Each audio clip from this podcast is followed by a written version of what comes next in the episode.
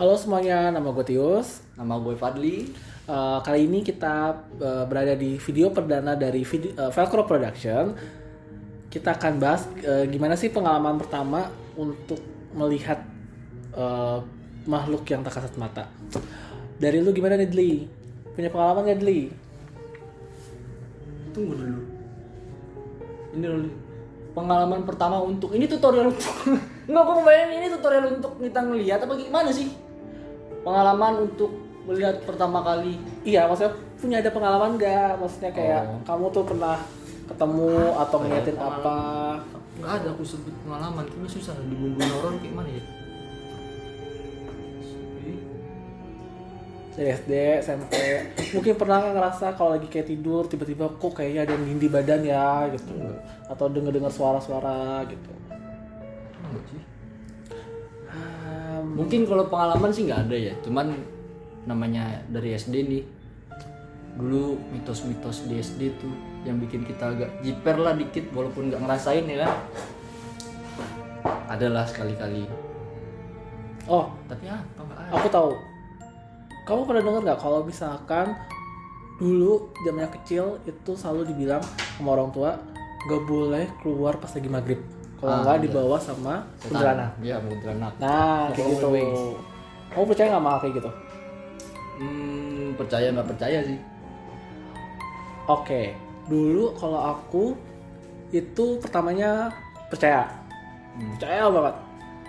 Cuman lama-lama ketika makin udah dewasa, makin SMP, SMA gitu, aku mikir kayak ah bullshit gitu kayak dia cuman ini doang lah, cuman aku takutin doang biar orang tuh, eh, biar anak-anak tuh nggak main-main lagi keluar kalau udah malam kan, kalau udah Iya, gelap. Karena kan takutnya nanti kalau misalnya malam-malam keluar itu eh, diculik orang kalau gelap kan. Cuma sampai akhirnya terbukti satu waktu aku keluar malam tuh zamannya SMA eh du- kalau dulu zaman dulu tuh wifi apa internet itu wifi masih mahal kan Iya. jadi nggak semua orang itu punya eh, fasilitas internet di rumah Hmm. nah waktu itu zamannya aku tuh eh, masih ngetrennya tuh warnet jadi aku Oh, selalu iya, pergi ke warnet Betul. nah waktu itu Tahun-tahun berapa tuh kok?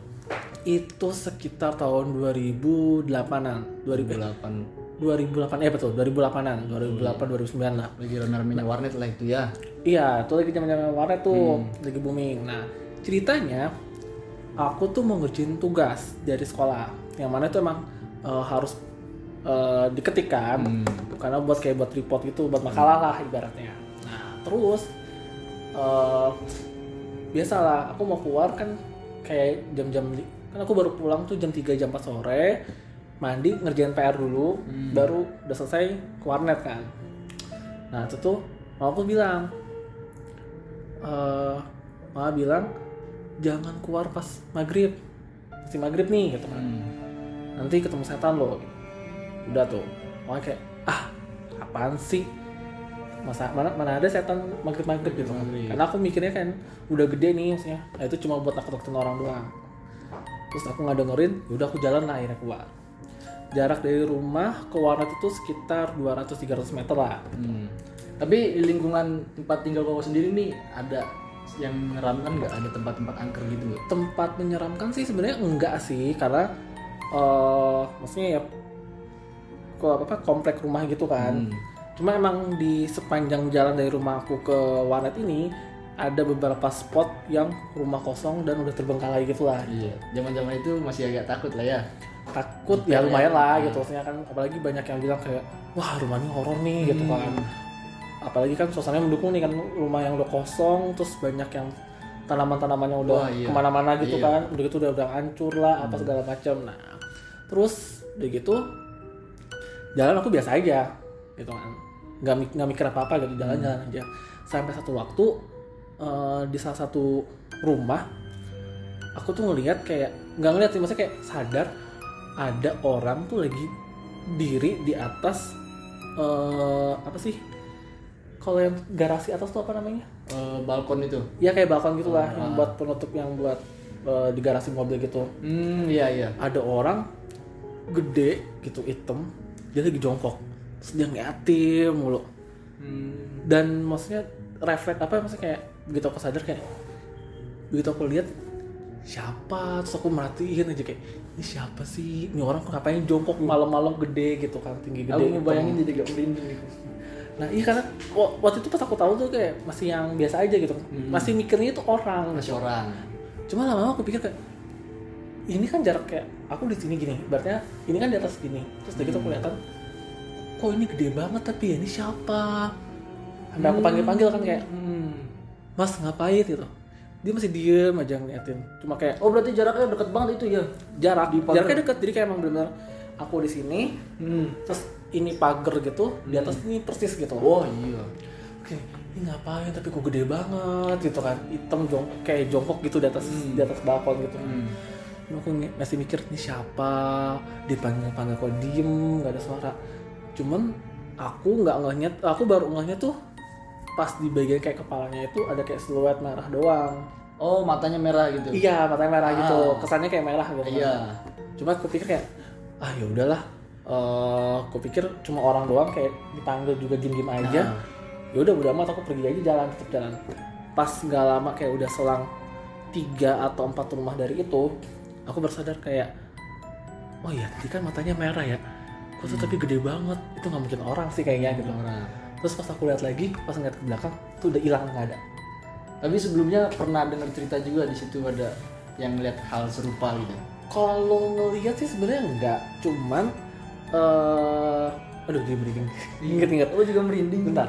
Eh, kalau cerita yang lihat-lihat kayak gitu enggak sih cuman eh, ketika aku pulang dari Wanes aku cerita kayak gitu eh, ternyata mamaku tuh cerita kalau di daerah situ banyak yang sering ngedenger orang ketawa. Hmm, gitu. atau kalau bisa ada yang kayak nangis. Tapi itu eh, biasanya kan suaranya kayak gitu suara, kayak gitu kan perempuan kan. Cuma kan kalau yang aku lihat ini dibilang perempuan enggak laki-laki juga nggak ketahuan apa cuma hitam doang karena iya. tinggi gede kan. Gitu ya udah terusnya dari situ pokoknya sejak sejak eh, aku tahu itu sesuatu yang aneh kalau aku mau ke warnet aku pasti jalannya muter Jalannya muter. nggak apa-apa di jauh yang penting kayak nggak lewat rumah itu Jam berapapun itu. jam berapapun itu Jam berapapun itu. Jam berapapun itu itu. kejadian pas banget maghrib. Azan maghrib. pas banget maghrib Pas banget maghrib ya. bener-bener pas lagi azan lah Oh, iya mungkin kayak memang orang tua dulu sering bilang gitu ya.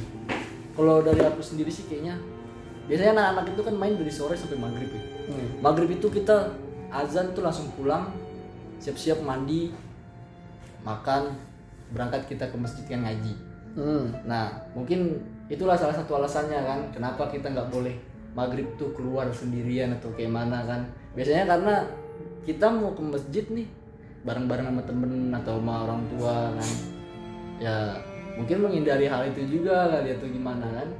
Cuman kalau pengalamanku sendiri sih, lo pernah maghrib-maghrib itu kontrakanku itu kan ada lorong Hmm. Itu adekku habis selesai mandi pas banget azan dulu cium. Udah bau melati Oh padahal nggak ada nggak ada pengalaman mati nggak situ. ada apa-apa. Cuman biasanya kan kata orang kita yang denger eh yang ngerasain itu cuma sendiri ya. Hmm. tapi ini aku juga nge- ngebauin Hmm. adekku ngebauin mama aku ngebauin kan. Penasaran carilah. Hmm. mana nih? Tampak-tampak ya kan. Nah pas sudah dicari gitu malah justru hilang. Wah, itu jadi kayak wih adekku langsung lari masuk ke dalam kan? Oh, pas banget maghrib itu. Hmm. cuman posisinya waktu itu karena mungkin aku juga tergolong orang yang kepo juga kali kan. Cari lah nantangin. Hmm. kayak nantang juga sih enggak cuman ya penasaran aja.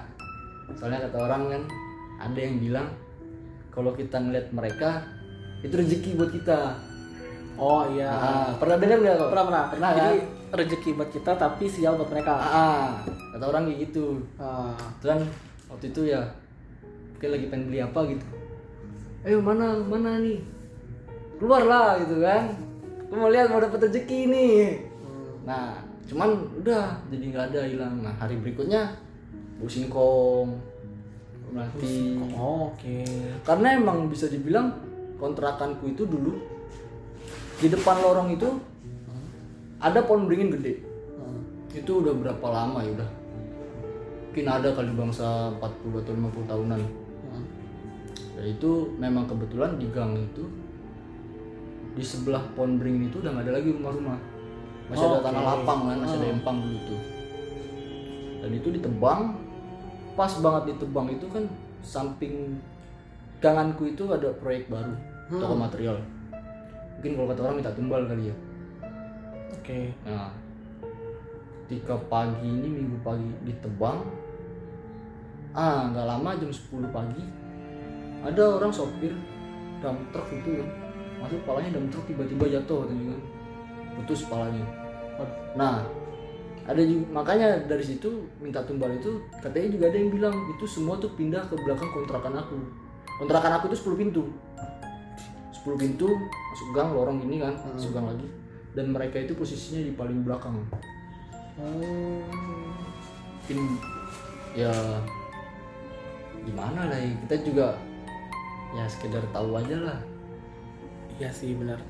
Cuman eh berarti kalau kamu ngelihat nggak pernah lah ya. ngeliat nggak pernah Tapi kalau misalnya kayak nyium-nyium bau kayak gitu udah sering gitu.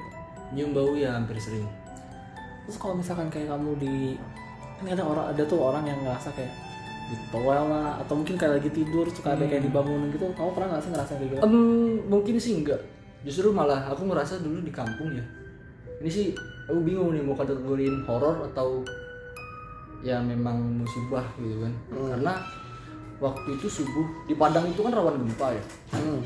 Padang itu kan termasuk katulistiwa ya kata orang kan Hmm.